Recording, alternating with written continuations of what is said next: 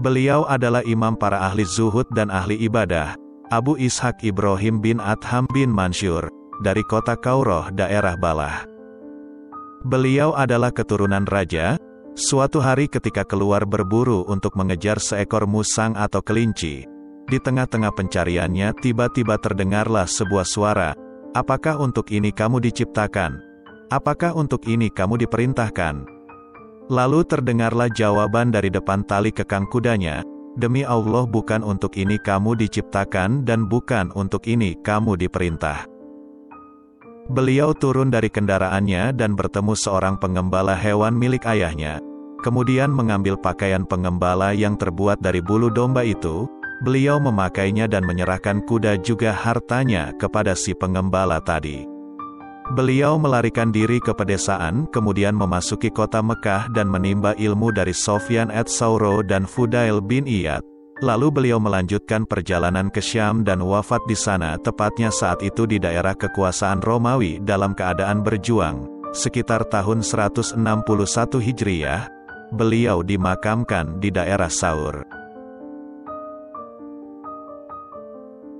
Beliau makan dari pekerjaan sendiri seperti memanen, menjaga kebun-kebun dan lain sebagainya. Suatu hari di daerah pedesaan beliau melihat seorang lelaki yang mengajarinya nama Allah yang paling agung. Setelah itu beliau berdoa kepada Allah dengan nama ini hingga dapat bertemu Hidir alaihi salam. Seraya berkata, Sesungguhnya yang mengajarimu nama Allah yang paling agung adalah saudaraku Daud. Dialah Daud al-Balhi inilah permulaan beliau. Dalam kewaraan, beliau sangat mengagumkan. Pernah diriwayatkan beliau berkata, Perbaikilah makananmu, selanjutnya kamu tidak perlu bangun malam ataupun tidur siang hari. Diceritakan kebanyakan doa beliau adalah Ya Allah pindahkanlah aku dari hinanya kemaksiatan kepadamu menuju mulianya taat kepadamu. Ada orang yang berkata kepada beliau, sekarang ini harga daging lagi naik. Beliau menjawab, kalau begitu turunkarlah dengan tidak membelinya. Pernah diceritakan pada permulaannya beliau mendengar suara, perbuatan sia-sia apa ini? Maka apakah kamu mengira, bahwa sesungguhnya kami menciptakan kamu secara main-main saja, dan bahwa kamu tidak akan dikembalikan kepada kami? Bertakwalah kepada Allah dan persiapkanlah bekalmu untuk hari kiamat. Ada yang mengatakan ayah beliau Adham adalah seorang lelaki soleh. Setelah kelahiran Ibrahim di kota Mekah, ia membawanya kepada para ahli ibadah dan ahli zuhud. Lalu ia berkata, doakanlah ia, ia menganggap doa salah seorang dari mereka telah terkabul. Salah seorang ulama berkata, setiap kali aku melihat Ibrahim bin Adham pasti aku teringat kepada Allah dan hatiku pun luluh. Pada suatu kali beliau pernah menaiki sebuah perahu tiba-tiba perahu itu bergoyang hingga para penumpang pun panik. Beliau membaca, Wahai zat yang maha hidup di kala tiada kehidupan. Wahai yang maha hidup sebelum segala sesuatu hidup. Wahai yang maha hidup setelah segala sesuatu hidup. Wahai yang maha hidup lagi maha berdiri sendiri. Wahai yang maha baik lagi maha indah, engkau telah menampakkan kuasamu di hadapan kami sekarang tampakkanlah ampunanmu di hadapan kami.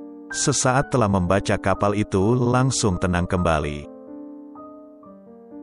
Di antara nasihat beliau, barang siapa yang ingin ketenangan, hendaknya mengeluarkan seluruh keterkaitan dengan makhluk dari dalam hatinya.